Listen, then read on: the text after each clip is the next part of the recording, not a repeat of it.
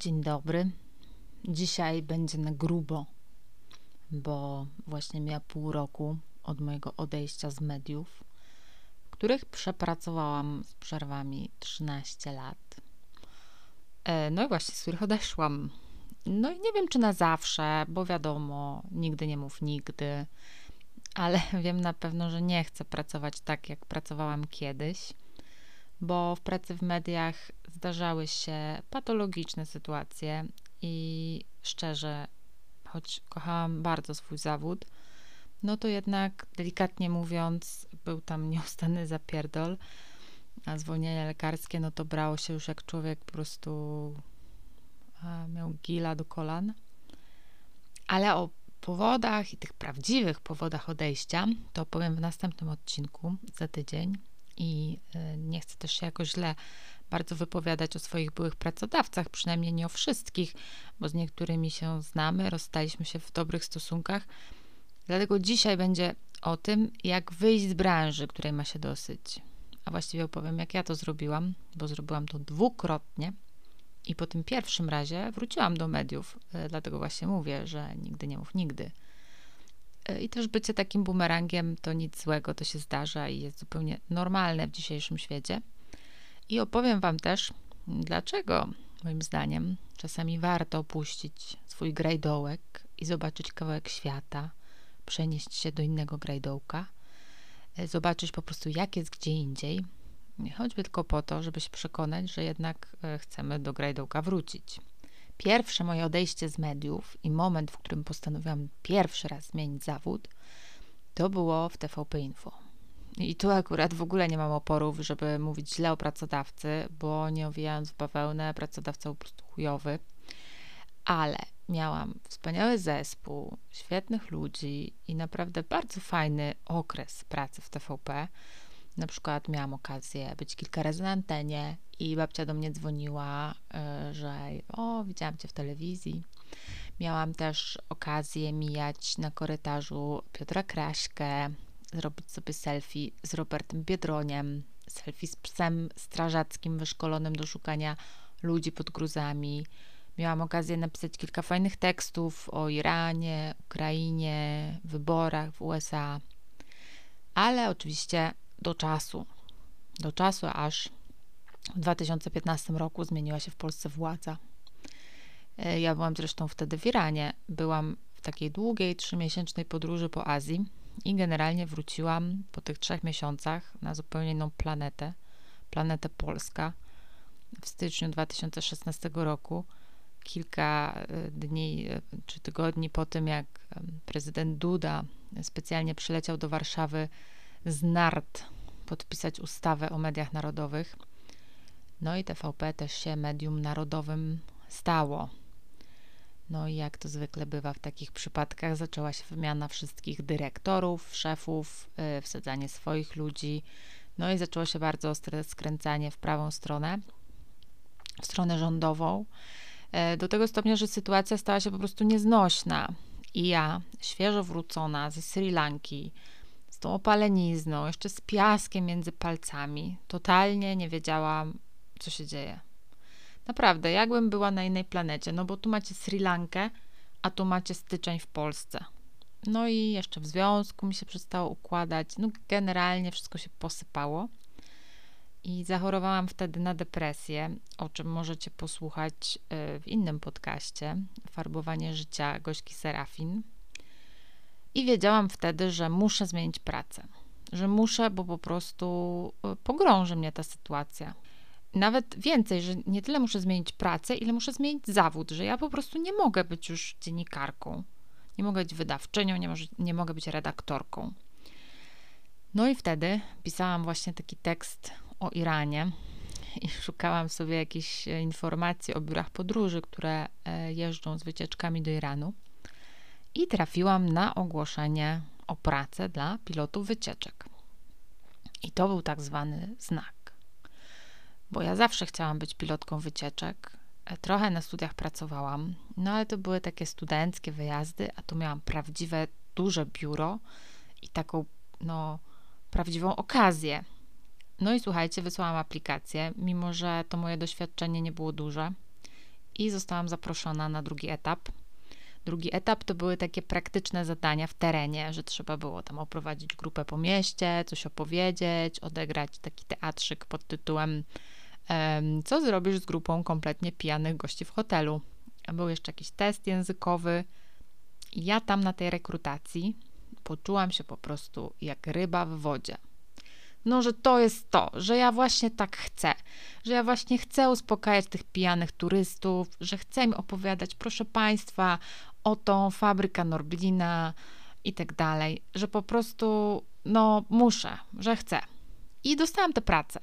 Po prostu dostałam maila, że tak, zapraszamy Pani Joanno. Dostałam grafik szkoleń, a potem dostałam swoją pierwszą wycieczkę do Hiszpanii i pojechałam na tę wycieczkę i miałam bardzo różne przygody, ale przewiozłam grupę od punktu A do B i chyba nawet nie zaliczyłam żadnej e, spektakularnej wtopy.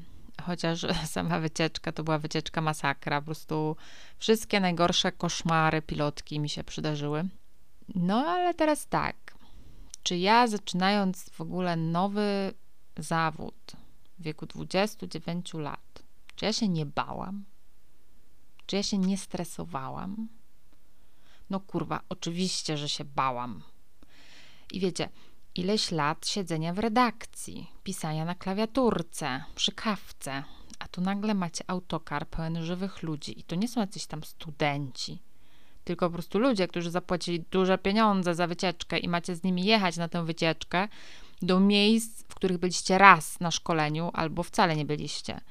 No i do tego jeszcze musicie ogarniać milion rzeczy, być jednocześnie księgową, nosić ze sobą po prostu 7 tysięcy euro w gotówce, błyskać wiedzą, opowiadać o starożytnym Rzymie i o współczesnej polityce w Hiszpanii, jeździć do szpitala, tłumaczyć e, jakieś e, zawiłości związane ze złamaniem kości, z przemieszczeniem.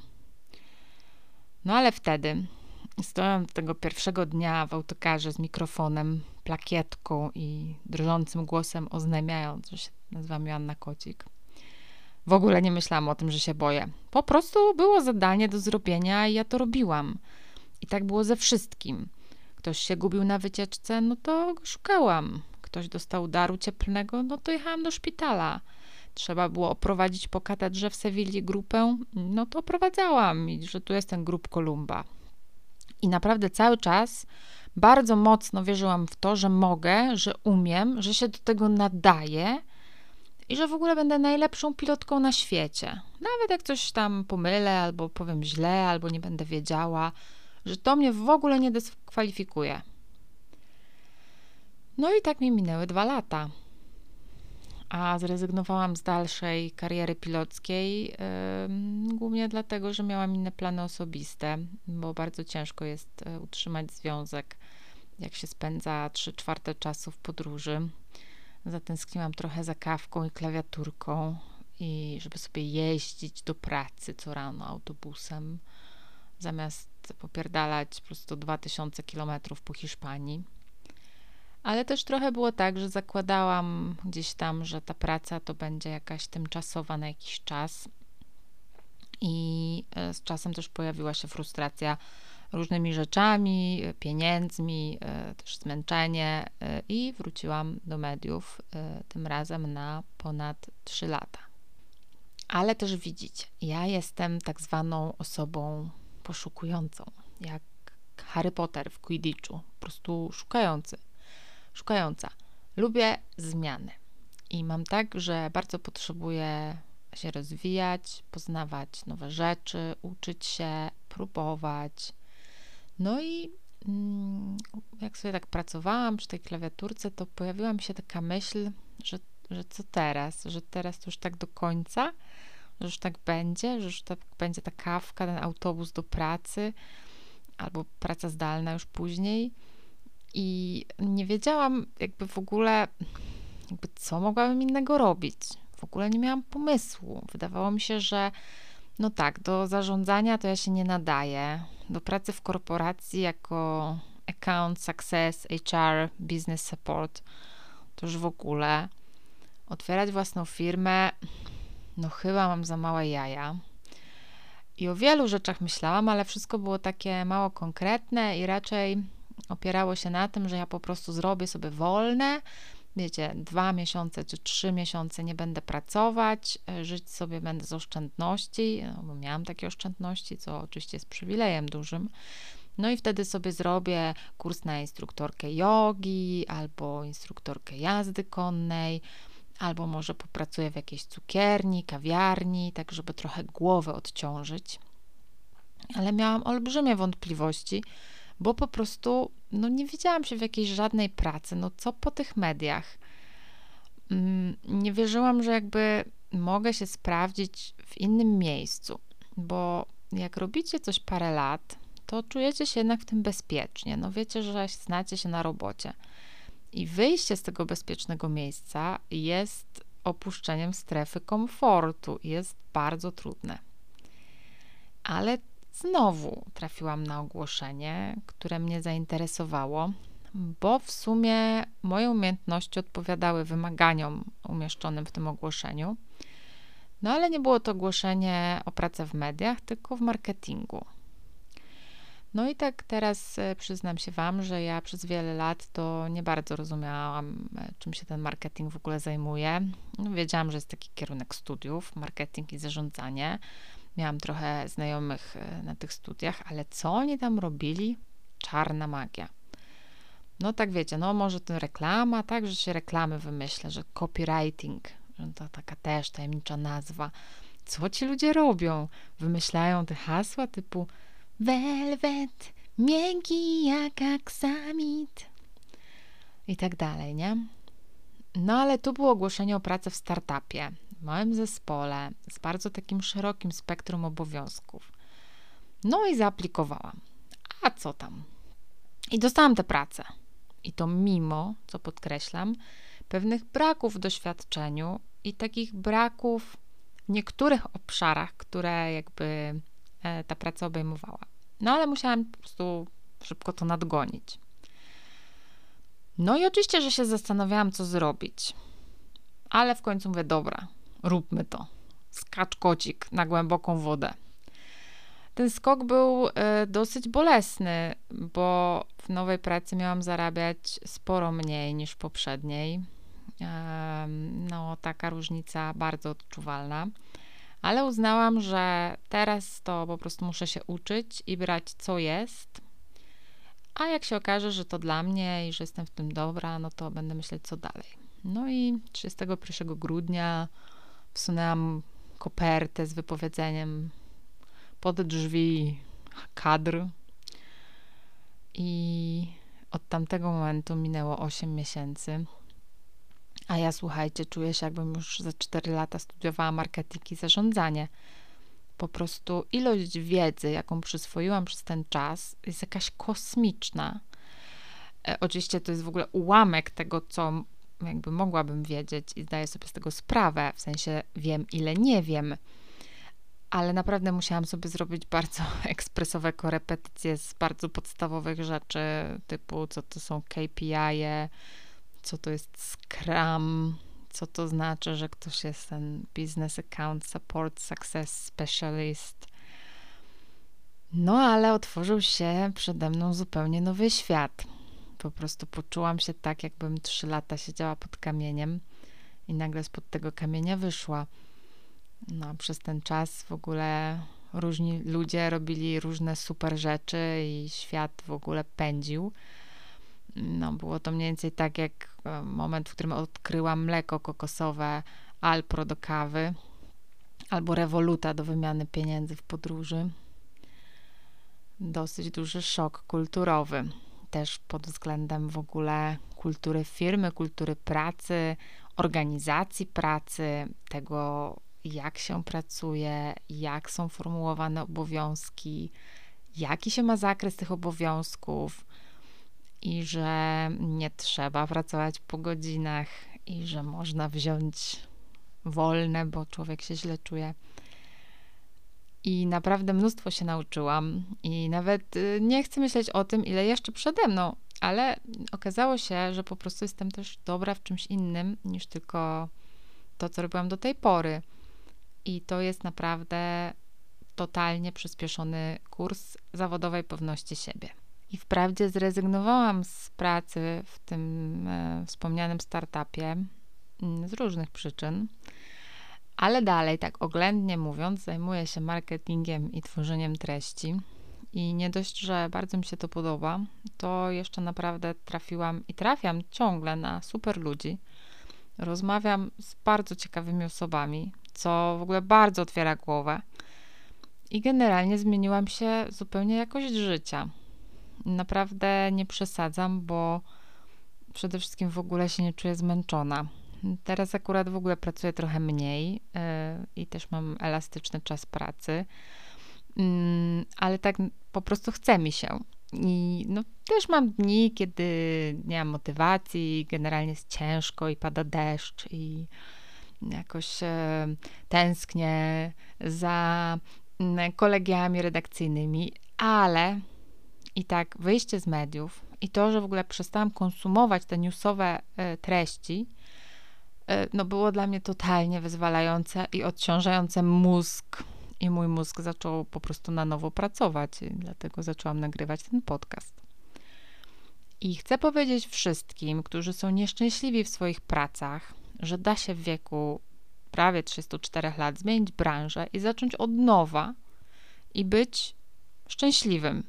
I zdaję sobie sprawę, że wiele osób nie może tak pstryknąć palcami i zmienić po prostu pracę, no bo macie różne zobowiązania, obawy, kredyty i tak. Ale naprawdę powiem Wam, no nie warto się męczyć i nie ma co bać się zmiany. I nie mogę Wam obiecać, że będzie łatwo, bo ja też miałam kilka załamek po drodze, ale po prostu warto, jeżeli jesteście osobami, dla których praca jest w życiu ważna i chcecie mieć z niej coś więcej niż tylko po prostu tak, że spokój i dobry hajs. Ja szanuję, że komuś jest wygodnie i po prostu nie chce zmieniać, bo no bo kasa się zgadza i w sumie nie jest to dla niego ważne i można mieć też um, wiele pasji, realizować się po pracy. Mm, I każdy może sobie pracować jak chce, gdzie chce, dla kogo chce i chcieć właśnie tego spokoju i hajsu. To jest zupełnie ok, ale to nie jest dla mnie opcja, bo ja muszę mieć jednak coś takiego, co mnie będzie nakręcało do tej pracy e, i po prostu muszę mieć z tego jakąś radość albo właśnie świetnych ludzi wokół.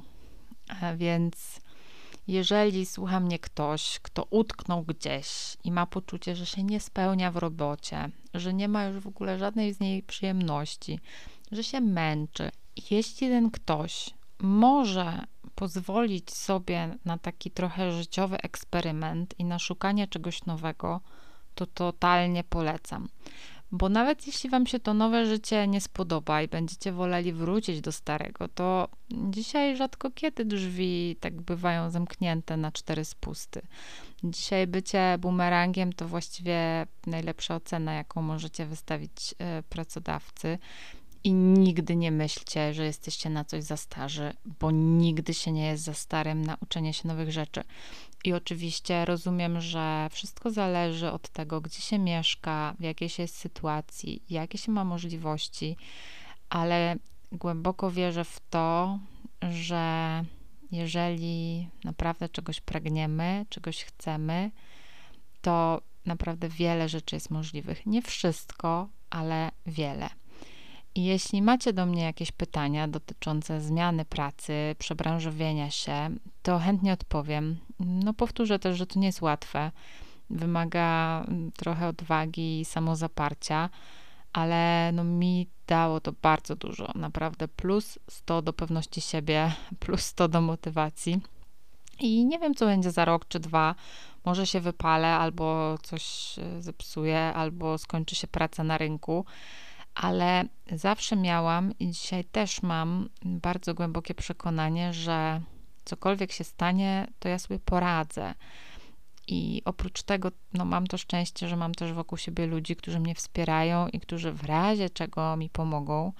I dzięki temu mam pewne poczucie bezpieczeństwa.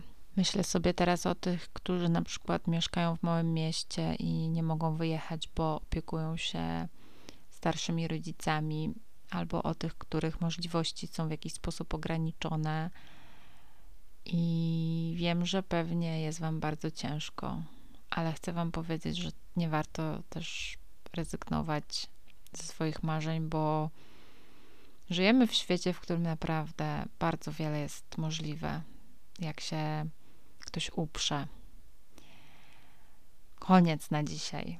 Jeśli macie zmieniające życie historie pracowe, to podrzućcie, a w następnym odcinku opowiem więcej o tym, dlaczego rzuciłam media i jak w ogóle wygląda praca w mediach w 2021, czy jak wyglądała jeszcze w 2022 roku w Polsce. E, w 2020 roku w Polsce. Także trzymajcie się i do usłyszenia.